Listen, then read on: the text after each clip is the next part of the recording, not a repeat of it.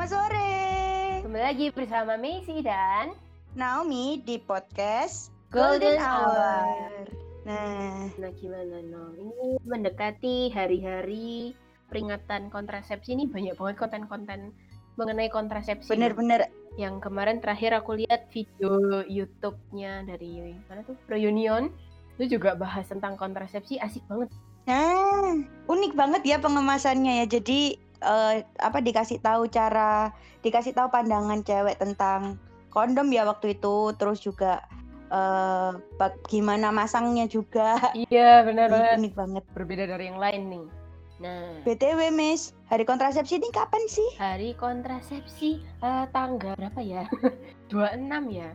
Hari ini nggak sih? Oh iya bener, hari ini ya. Jadi tepat tanggal 26 September itu diperingati Hari kontrasepsi.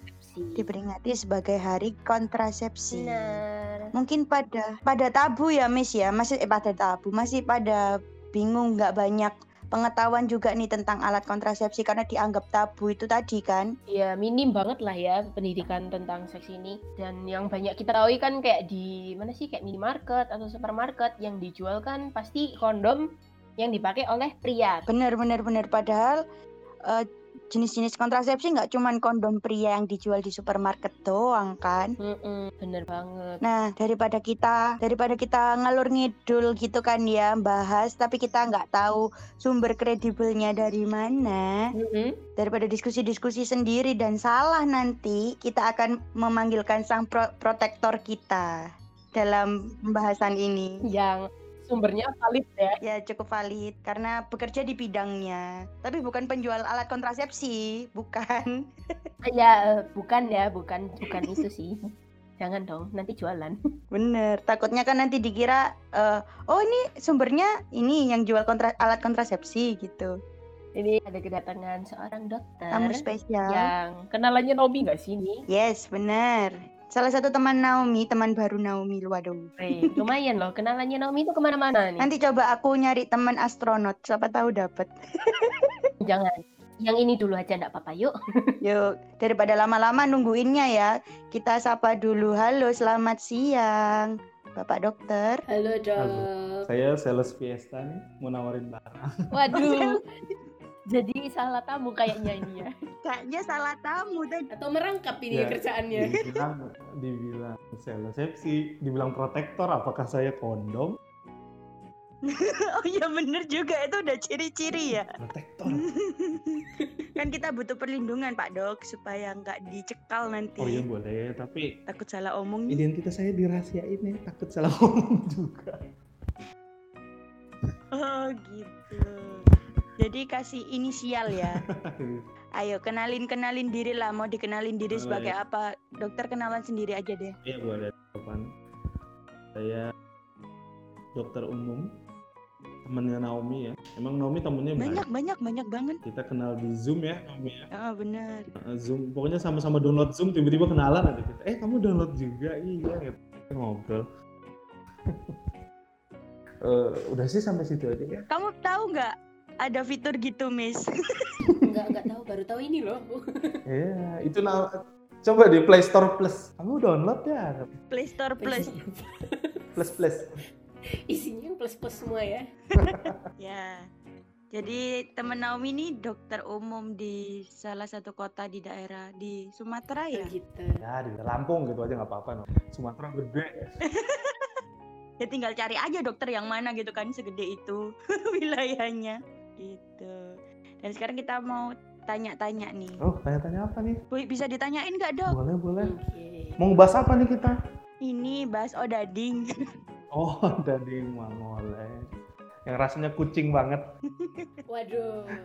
Ini rasanya kucing banget. Eh, iya diperhalus ya. Diperhalus. Gimana gimana? Kita mau tanya-tanya tentang alat kontrasepsi nih dok. Berhubung ini kan mendekati mendekati nggak sih hari ini memang tepat hari kontrasepsi kan? oh iya benar. 26 September ya Benar. Ngomong-ngomong, eh, secara umum aja deh dok, gampangnya alat kontrasepsi itu apa sih dok? Biar teman-teman tahu. kita pakai bahasa santai aja ya Ya, Iya. boleh. Ya, namanya alat ya, alat itu berarti dia metode atau perangkat gitu. Jadi alat kontrasepsi yaitu untuk mencegah kehamilan. Simple itu aja. Gitu. Jadi perli- perlindungan tadi ya. Ya, proteksi tadi. Gitu. Terus Ya, intinya sih dia tuh nggak gini gini nggak semua alat kontrasepsi itu bentuknya berupa perlindungan ya intinya dia eh, metode supaya nggak jadi hamil gitu. oh gitu. Jadi nggak cuman alat ya dok ya, tapi apa pun upaya untuk mencegah kehamilan. Iya.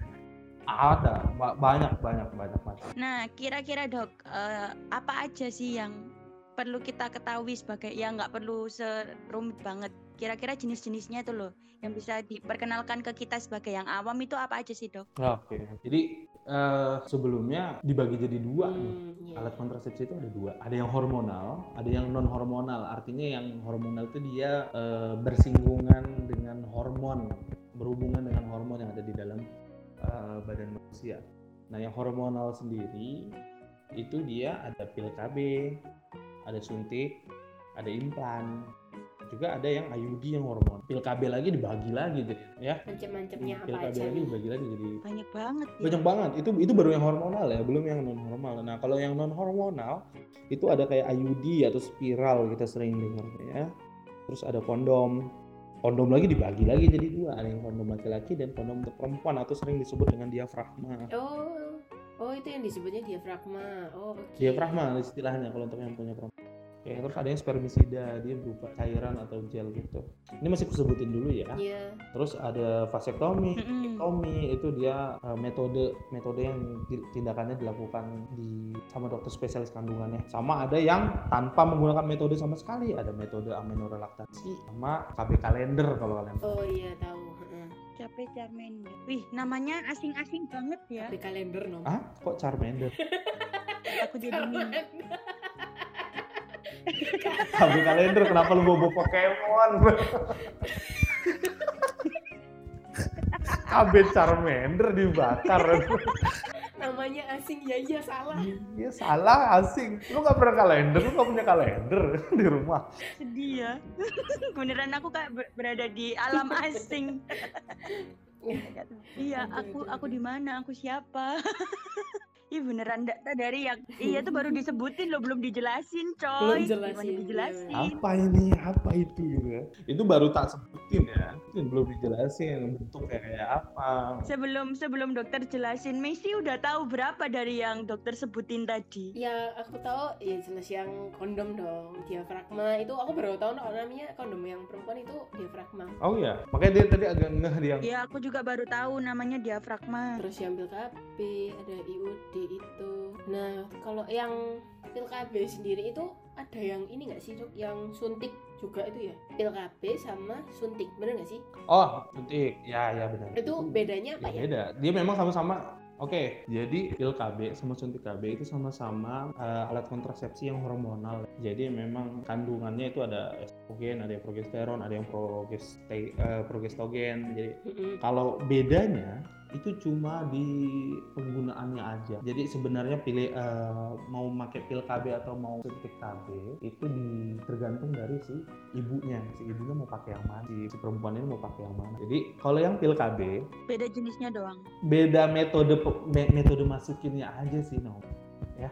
Jadi intinya sih sama-sama memasukkan si hormon ini ke dalam badan. Oh. Jadi beda metodenya aja. cuma caranya Kalau pil. KB ini saya jelasin cara pakainya. Perlu nggak nih saya jelasin cara pakainya? Boleh, boleh, boleh. Boleh, boleh. Boleh, boleh. Boleh, boleh. Penting Biar kita ini malah. biar kita nggak bodoh-bodoh banget gitu kan ya. Iya, bener. Jadi pil KB itu ya cara makainya ditelen kayak makan obat biasa. Cuma orang banyak males pakai karena dia tiap hari. Jadi Kenapa? pil KB nggak boleh putus, nggak boleh putus secara pem- Oh. Heeh, heeh. Jadi pil KB sendiri ini dibagi jadi dua, dua jenis ya. Ada yang kombinasi sama yang progesterogen only. Kalau yang kombinasi itu isinya estrogen sama progesteron. Itu untuk mencegah terjadinya ovulasi. Ya, ovulasi itu pembentukan sel telur. Um, terus kalau yang progesterogen Ya, paham, paham. Ah, yang progesterogen only itu yang isinya cuma satu kandungan hormon aja Mm, iya. itu tujuannya fungsinya itu untuk mengentalkan len- lendir serviks serviks itu leher rahim ya jadi lendirnya itu ditebelin sehingga dia nggak bisa terjadi pembuahan di situ. Hmm.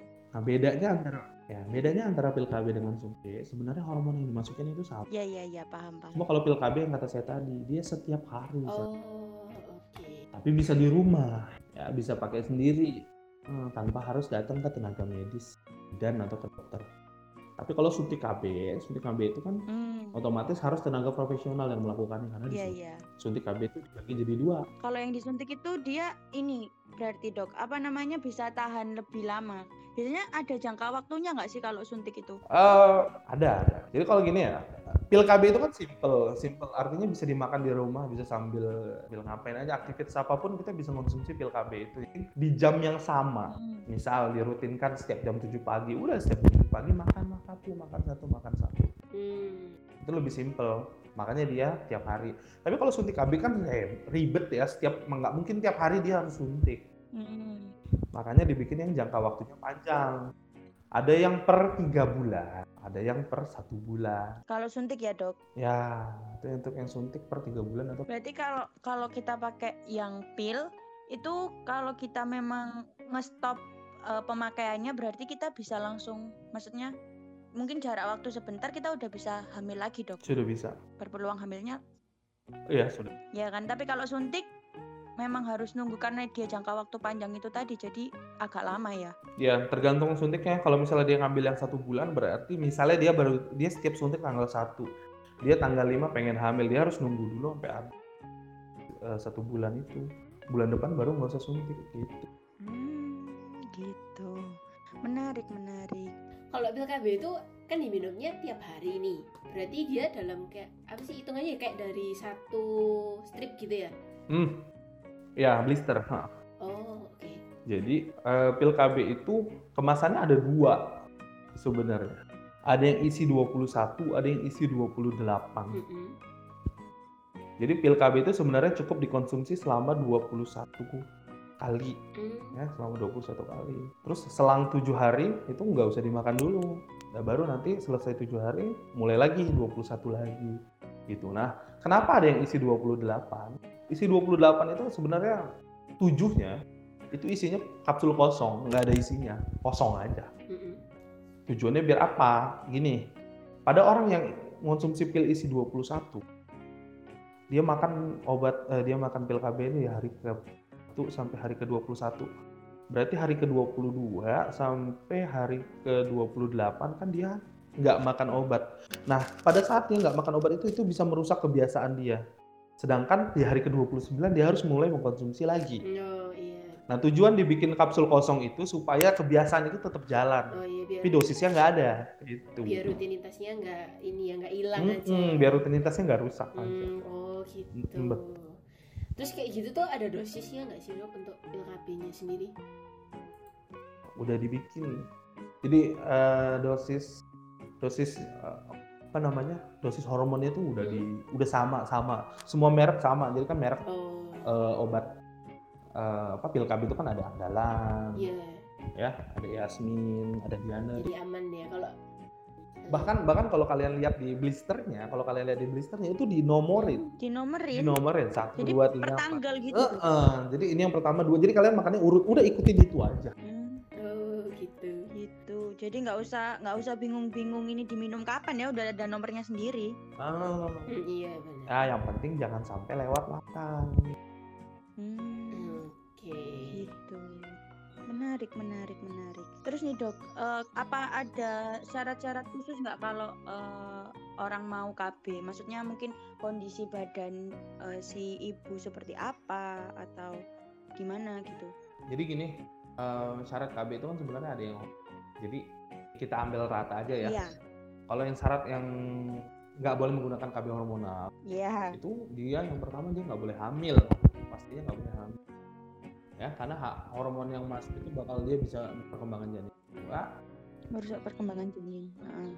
yang dua itu tidak boleh digunakan kurang dari enam minggu setelah ber jadi harus lebih dari enam minggu dulu enam minggu itu berarti satu bulan sekitar 40 hari lah nah itu selama masa itu nggak boleh dulu tuh pakai PKB Jadi kalau yang punya penyakit berat nggak boleh ya dok? terus untuk usia di atas 35 tahun lebih dari 35 tahun boleh ada riwayat penyakit di riwayat tumor hati ada riwayat diabetes, jantung, stroke, darah tinggi juga itu ya tidak disarankan sih menggunakan KB terutama yang hormon. Terus ada perdarahan. Hmm, jadi lebih baik konsultasi dulu ya. Ya bisa dibilang beresiko sih kalau mau pakai yang hormonal Hmm. atau langsung gunakan yang non hormonal. Non hormonal apa aja tadi? Kondom, ada yang spiral. Spiral juga ada yang ini ya, ada yang hormonal. Jadi tetap konsultasi dulu sih intinya. Hmm, itu berarti memang eh, kalau pil KB ini lebih karena dia memasukkan hormon jadi eh, kondisi pasien secara kesehatan tuh harus stabil dulu ya maksudnya nggak boleh berpenyakit berat terus ya nggak boleh eh, apa pokoknya dipastikan sehat lah ya Intinya sih gini, kalau memang mau pas mau menggunakan KB konsultasi dulu. Nanti tenaga medis eh, seperti bidan atau dokternya yang akan membimbing cocoknya pakai apa nih gitu. Nanti kan ditanya-tanya, ada ini enggak? ah iya ya benar-benar konsultasi dulu ya yang pasti intinya Biar aman ya. Terus berhubung tadi dokter bilang kalau dokter salesnya Fiesta, apa nih? Apa nih? mari kita beralih ke kondom. Nyambi. gitu. Apa nyambi? Oke. Pekerjaan sampingan. Iya. Enggak itu pekerjaan utama dokter yang sama. Oh wow. Oh, Gawat nih. luar biasa ya. Juga kaget, aku baru tahu hari ini kok. Ba- baru tahu hari ini apa? Iya, aku juga tuh baru tahu. Astaga. Terus gimana nih Nom? Kalau ngomong-ngomong masalah kondom nih dok, Mhm. ngomong masalah kondom ya. ya, boleh. Eh pertanyaan satu pertanyaan menggelitik yang selalu membayangi Naomi adalah kenapa kondom wanita jarang dijual eh, di pasaran? Maksudnya nggak umum gitu loh. Biasanya kan kita lihat tuh selalu kondom cowok, kondom cowok gitu. Yang pertama gini, antara kondom kita bagi aja ya, kondom itu untuk laki diafragma kita sebutnya itu untuk yang perempuan. Oke, yang pertama kondom itu lebih simpel, Mm-mm. lebih simpel. Kalau diafragma itu cara makainya aja udah ribet. Karena biasanya diafragma itu dikombinasikan dengan spermisida. Spermisida itu dia em, semacam gel atau atau cairan kayak salep itulah cara. Itu dia fungsinya untuk mematikan ah, untuk mematikan si spermanya. Jadi kalau misalnya Oh. harus kombinasi itu biasanya. Kebanyakan sih kombinasinya satu. Kenapa? Karena kan yang eh, kalau diafragma itu dia dimasuk ke dalam ininya perempuan. Habis itu baru ditetesin si spermisida tadi dan baru dia berhubungan. Itu ribet. Satu ribet.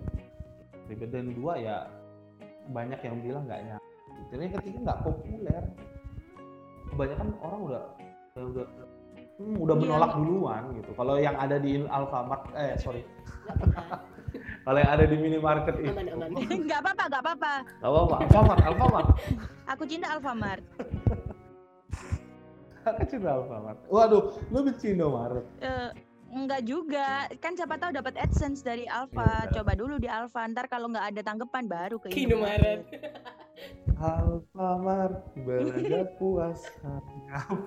Mantap. Oke, Kayaknya itu- ini sambilan Yang ada- malamnya jadi Hah? ini deh. Sambilan malamnya jadi ini deh, Mes. Apa? Yang jaga Alfamart. Selamat datang. Emel gimana tadi balik lagi?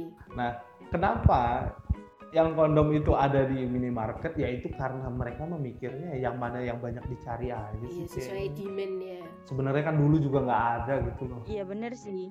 Jadi kayak karena ribetnya itu tadi ya, jadi mending nyari yang umum-umum aja gitu kan. Ya, terus yang kedua, yang kedua, kondom itu lebih adil daripada diafragma. Kenapa kok bisa? Enaknya sama-sama, nggak enaknya juga nggak enaknya juga bareng-bareng. Paham nggak? Oh Jadi kalau- iya. Ah, kalau kalau kayak alat kontrasepsi yang lain ya, dalam catatan semuanya, hampir yang lain-lain. Itu yang ribet tuh yang perempuannya doang. Iya benar. Tapi kondom ini sama-sama nggak enak, eh sama-sama sama-sama ngerasain akibatnya aja gitu. Tapi kalau yang diafragma, bahkan bukan diafragma aja ya, termasuk yang implan, yang suntik, yang pil, gitu ya. itu semua yang ribet di si perempuannya benar. doang. Ngomong-ngomong karena dibahas dikit ya dok ya, karena biasanya kalau alat kontrasepsi ini yang ribet yang cewek kan ya. Iya. Berarti eh, kalau selain kondom cowok dan apa tadi salep spermisida itu eh, berarti nggak ada lagi alat kontrasepsi yang bisa dipakai sama laki-laki. Alat kontrasepsi yang pakai sama laki-laki. Nggak ada sih, tapi kalau yang bisa metodenya yang eh, berhubungan dari laki-laki kan bukan dipakai ya. Jadi kayak tuh eh, vasektomi, sorry.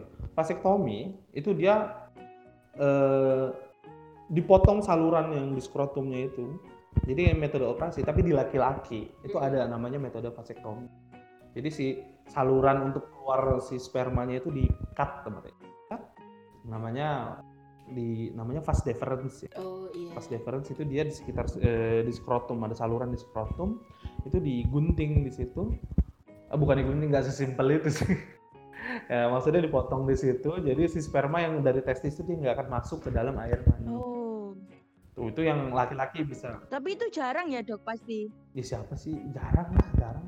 Kebanyakan gini eh, suami istri yang melakukan tindakan vasektomi itu kalau istrinya udah nggak bisa pakai metode apa pun ya. Jadi kayak dia mau dilakuin mau ngelakuin tubektomi atau yang ini metode operasinya untuk wanita ya. Hmm. Dia mau ngelakuin tubektomi juga nggak bisa, mau pakai yang apa-apa juga nggak bisa. Jadi ya udahlah paling lakinya operasi. Tubektomi itu apa dok? Kalau tubektomi itu kurang lebih sama kayak vasektomi tapi di perempuan yang dipotong itu tubanya. Ada nama nama organ tubuh di rahim, nama organ di rahim ini tuba. Nah, tuba itu ada di kanan sama kiri. Kalau kalian lihat gambar Hmm, rahim kayak tangan gitu ya. itu kan ada ada ada, ada kayak telinganya tuh ke kanan ke Mm-mm. kiri. Nah, terus salurannya itu tuh yang dipotong. Hmm. Dikat. Jadi sel telurnya nggak bisa nggak bisa masuk ke dalam Oh, rahim. salurannya. Hmm. Jadi kayak ditutup gitu, dipotong terus ditutup gitu ya? Ya, Kayak gitu tuh ada ada efek sampingnya nggak sih dok kayak gitu tuh? Eh, enggak sih, malah ini termasuk yang paling ya 100% ya malah paling aman. Paling aman ya. Banyak udah yang melakukan biasanya sih yang udah ya itu yang yang anaknya udah banyak udah nggak mau punya anak lagi atau yang kalau dia melahirkan atau dia kalau dia hamil itu bisa berbahaya nah itu biasanya dilakukan tindakan Hmm, biasanya kalau sudah pasangan pasangan orang tua pun itu juga direkomendasi untuk pakai metode ini dok. ya biasanya sudah usia 40 tahun ke atas tuh yang udah beresiko tinggi Hmm, gitu. Jadi lebih baik dipotong aja. hmm, yang riwayat ini apa eh, kegugurannya terlalu sering misalnya dia hamil empat kali tiga kali keguguran nah itu kan resiko banget tuh Hmm, iya sih. Itu Mm-mm. ngeri juga. si dokter menyarankan. Atau metode-metode lain juga si laki bisa berperan kok Naomi. Gimana gimana caranya? Contohnya? Ada yang metode senggama terputus pernah denger nggak? Wah, apa itu dok? Aduh, mukanya. Pernah belajar kayaknya tapi lupa ya. Nah, minta tolong disebutin dong gitu. Kayak kayaknya pernah tahu deh. Ini memang populer sih. Wah, populer. Kayaknya pernah Populer tahu deh. Itu yang oh itu loh nom yang kita bahas kapan hari. Kalian bahas ini tujuannya apa? Enggak aku aku pura-pura pura-pura polos aja biar dijelasin. Ah, Hmm. jadi rencananya kita tuh udah mau rekaman. Tapi kita kekurangan pengetahuan, takut nih, nggak takut kalau salah. Mm-mm. Kan lebih aman kalau ada sumber yang valid. Makanya kita butuh sang protektor.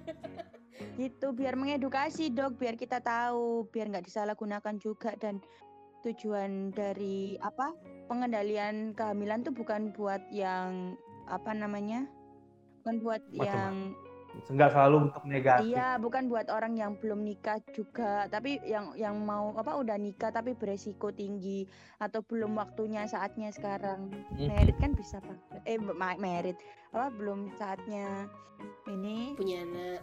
punya anak bisa ditunda dulu gitu bener nggak sih bener nggak Ya, benar, benar. jadi yang cabul-cabul jangan jangan Tapi Naomi tadi kayak panik. ya.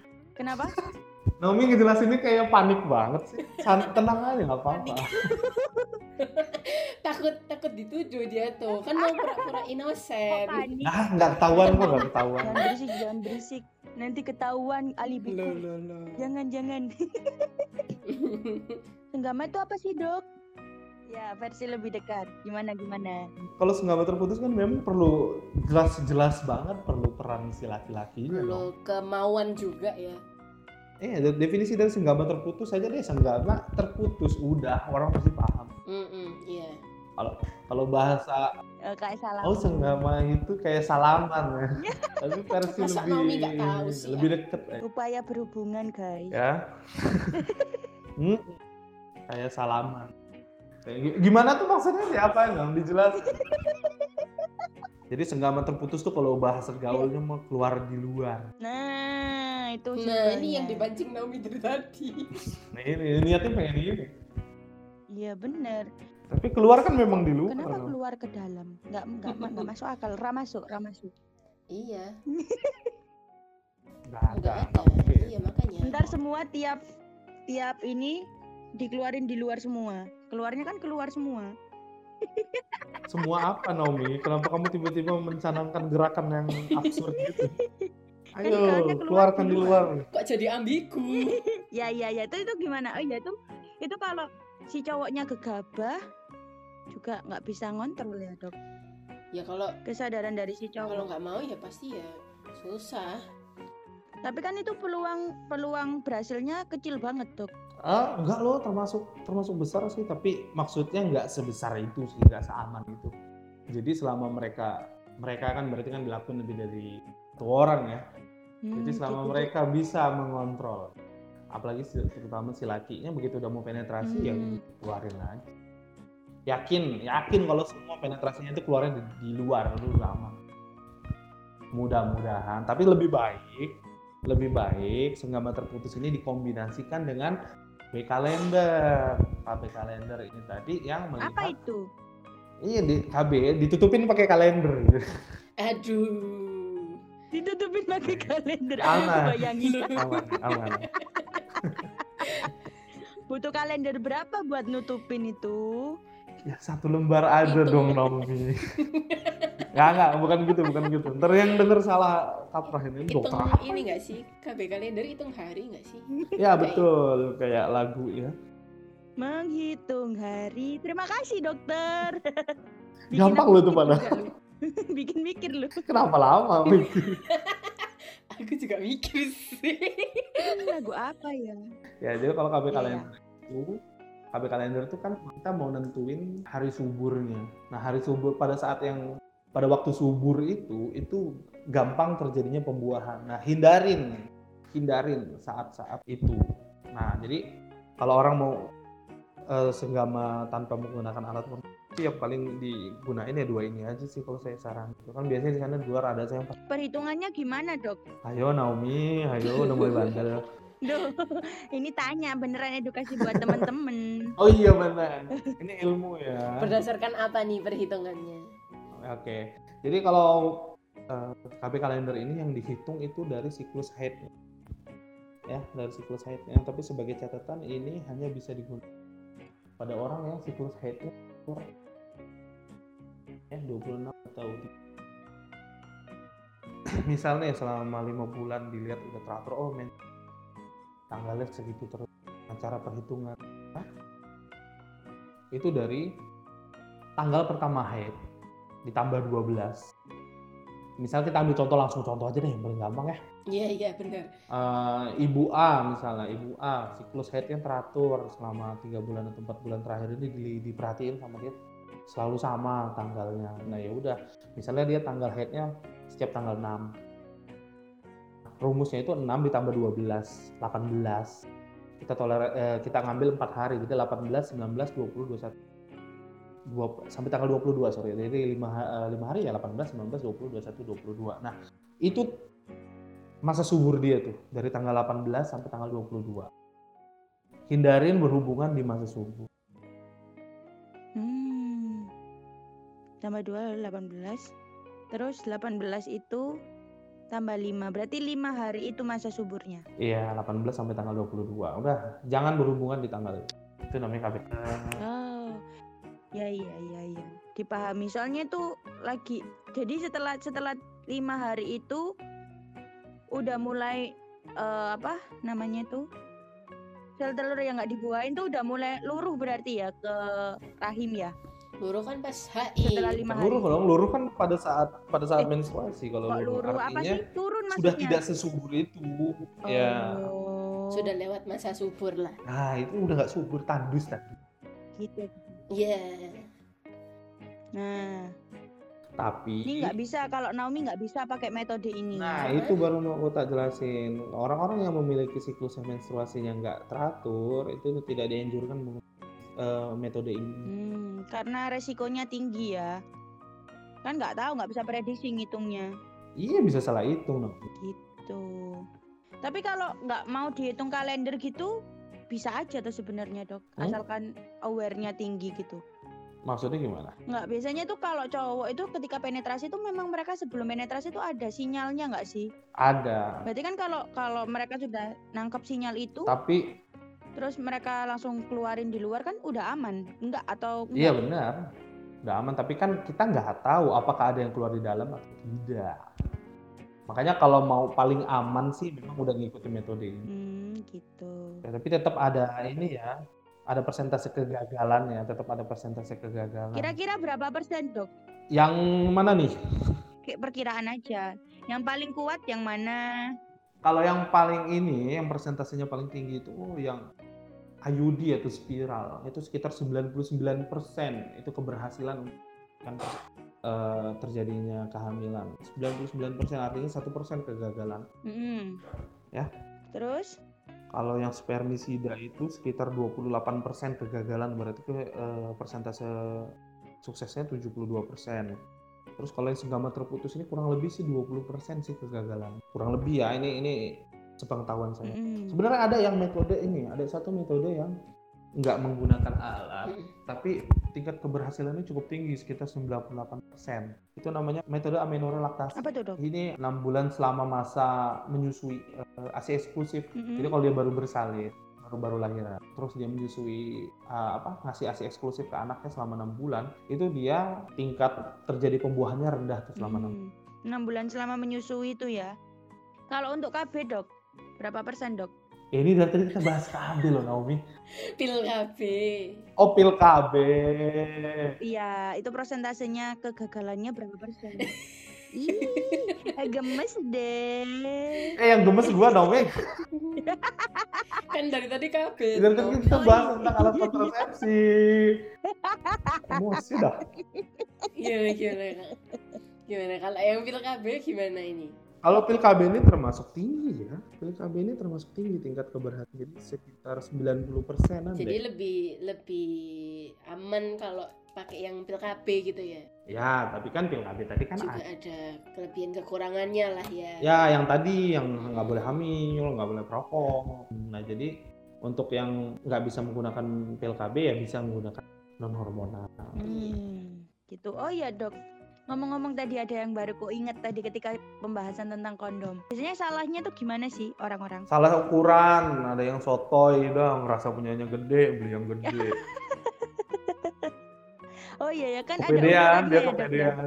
Ada, ada ukuran. Nah, cara tahu itu ukuran kalau kita awam terus kita nggak tahu ukurannya gimana? misalnya misalnya kita yang cewek nih yang beli terus kayak ada nggak nggak usah ngomong ukuran deh ngomong kayak ketebalan bahan dari kondomnya aja deh kayak gitu tuh taunya Iya gimana iya maksudnya? iya. Ayo keluarkan skill skill Anda sebagai sales. Ayo ayo.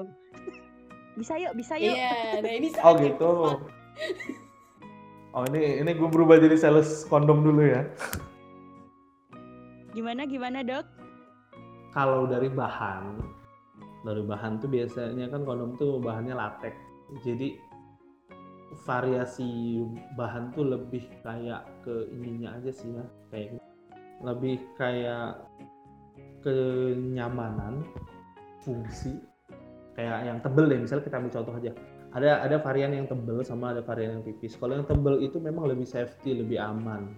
Selama yang penting ukurannya pas, dia lebih aman karena dia tebel nggak akan jebol nggak akan bocor di dalam gitu menurut menurut dokter sendiri sex education di Indonesia ini udah bagus atau belum sih? Maksudnya kan makin sini tuh makin terbuka kan orang-orang untuk bahas tentang sex education. Tapi sebenarnya udah bagus apa belum gitu? Eh, kalau menurut saya sih sex education sekarang kurang merata kalau bahasa. Jadi kalau kita lihat jangan jangan yang priseknya deh yang yang ininya aja pasutrinya aja ya. Itu ibu-ibu di daerah-daerah sana masih banyak yang belum mengerti soal kayak gini mulai dari pentingnya mulai dari manfaatnya itu aja mereka nggak tahu. Yang mereka tahu cuma kalau alat KB itu ya untuk biar nggak hamil gitu aja kan. Tapi kan sebenarnya di balik itu ada fungsinya sendiri. Mereka masih belum tahu kalau alat kontrasepsi itu bisa nggak hanya cuman mengendalikan kehamilan tapi bisa um, mengurangi resiko penyakit terus uh, apa ya mungkin ada kondisi-kondisi yang harus mereka tahu dari diri mereka apakah siap siap nikah eh, siap nikah siap punya anak apa enggak. Iya nggak tahu nggak tahu sedalam itu. Mereka tahu cuma ya, ya, ya itu aja dari orang dari mulut ke mulut malahan. Jadi kalau menurut saya kurang deh sex education. Karena kan alat kontrasepsi ini kan dia untuk mencegah kehamilan. Kalau pada orang yang sudah menikah kan dia untuk mencegah kehamilan yang tidak diinginkan. Kalau bahasa orang itu kebobolan untuk mencegah kebobolan apa sih efeknya kebobolan? Kalau jarak anak terlalu dekat nggak boleh. Uh, jadi gini, tak bahas dulu soal golden period tahu nggak? Nggak, aku taunya golden hour. Golden golden period usia anak atau? Ya usia anak, usia anak sampai 2 tahun. 2 tahun itu itu sebagus-bagusnya perkembangan dia. Nah kalau pada orang tua yang jarak anaknya terlalu dekat, si golden period anak ini bakal disia-sia karena si ibu atau si orang tuanya itu akan sibuk dengan anaknya. Jadi si, si anak yang lahir pertama itu bakal merasa terabaikan gitu ya? Ah, lebih ke apa ya sih namanya batinnya lah, lebih ke batin. Oh, Jadi ke perkembangan. Gitu. Terus? Itu baru salah satunya. Tadi kan kita bahas tentang mencegah hamil yang tidak diinginkan. Yang namanya hamil itu kan berarti mental si ibu harus disiap. Semuanya harus segera disiapkan. Mental ayahnya pun harus disiapkan gimana kalau tiba-tiba mereka yang lagi nggak pengen punya anak atau lagi belum siap punya anak ya itu tiba-tiba hamil. Itu mental si ibunya kan pasti bakal keganggu. Itu bisa bikin uh, masalah gangguan di janin atau depresi setelah melahirkan. Ada ada penyakit namanya depresi postpartum. Itu dia menolak keberadaan anaknya. aku baru tahu. Ada ada dua. Ada depresi postpartum ada sindrom baby blues kalau sindrom baby blues itu dia uh, nanti hilang sendiri, nanti hilang sendiri. Tapi kalau misalnya udah yang depresi atau psikotik postpartum itu dia nggak hilang-hilang. Dia bakal si ibu itu bakal benci, hmm. miris banget. Kenapa nggak bisa nggak bisa hilang dok? Dia udah penyakit ya tuh. Psikotik itu berarti dia udah kena psikis. Ah, udah gangguan jiwa dia. Udah. Kalau sindrom baby blues itu biasanya hanya uh, beberapa bulan di setelah persalinan aja. Nanti lama kelamaan dia hilang. Terus kalau yang jaraknya jauh juga ngaruh nggak dok? Jarak jauh enggak sih, tapi lebih ngaruh ke usia ibu. Ya resiko lebih ke yang lahirin ya, berarti. Ke ibu. Mm -mm, lebih ke ibu. Tapi kalau kalau ke anak enggak ada sih. Terus dok, ini kan sempat ada berita di Kompas nih, kira-kira bulan Mei. Ini bilang kalau kehamilan udah apa kehamilan di Indonesia di pandemi masa pandemi itu udah nyampe 400 ribu kehamilan. Menurut dokter itu baik apa enggak? Ya ini uh, sebenarnya kita, kita kita tahu dulu ya maksudnya kan apakah angka ini normal atau angka ini meningkat dibanding bulan-bulan biasa itu aja sih. Iya benar sih. Tapi kalau untuk situasi ini apakah baik untuk uh, ibu-ibu yang hamil gitu dok? Uh, mengingatkan ini masih masa-masa maksudnya kan pandemi kan ini uh, ya berhubungan dengan kesehatan juga kan ada virus-virus yang apakah ini akan mempengaruhi kehamilan juga gitu loh? Oh iya, kalau kalau dariku, aku sih termasuk. Oh, jadi gini gini kalau diingat-ingat bulan April atau bulan Mei kemarin, memang ada sempat dari dari dari dari Menteri Kesehatan kalau nggak salah ya bahwa ibu-ibu dilarang hamil. Oh iya, ada beritanya. Coba deh, ingat nggak ya? Iya, ada sempat ada beritanya. Jadi itu itu ya, dijadi ya, ya, ya diserang dijadiin jokes loh ya. Sempat ya sama mereka ya kenapa ngatur-ngatur sini gitu. Nah itu tujuannya bukan ngatur berhubungannya. Tapi namanya kalau udah orang hamil kan otomatis lahirannya di tenaga kesehatan datang ke rumah sakit. Sedangkan rumah sakit dalam kondisi tidak steril dan bayi baru lahir serta ibu hamil itu kan apa bahaya banget kalau sampai kenapa.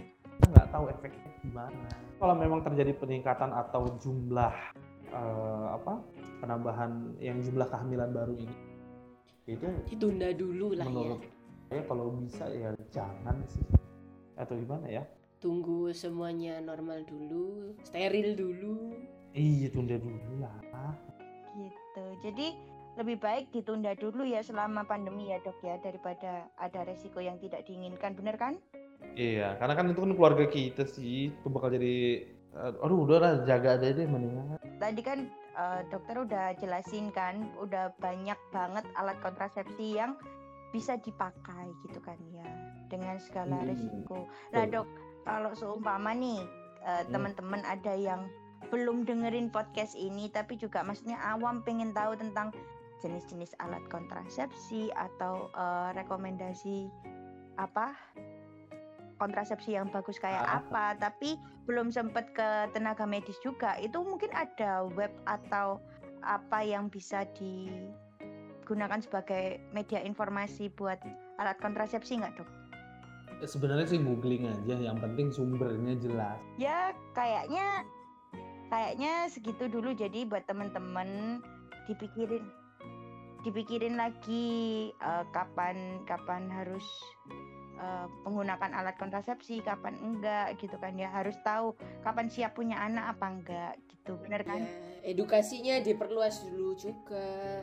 Jangan yang sok tahu lah pokoknya ya. ya jangan katanya katanya banyakin literasi dengerin podcast ini juga berulang-ulang biar dengerin suara bapak dokter yang jelasin alat kontrasepsi Mm-mm. tuh dan bisa googling-googling di tempat lain atau enggak tanya dokter-dokter terdekat biar Mm-mm. aman. Ya udah kita terima kasih kepada Bapak Dokter. Terima kasih sudah mau datang di podcast Golden Hour. Oke, kalau gitu Maisi pamit undur diri. Naomi pamit undur diri sampai ketemu di podcast Golden Hour berikutnya. Bye bye.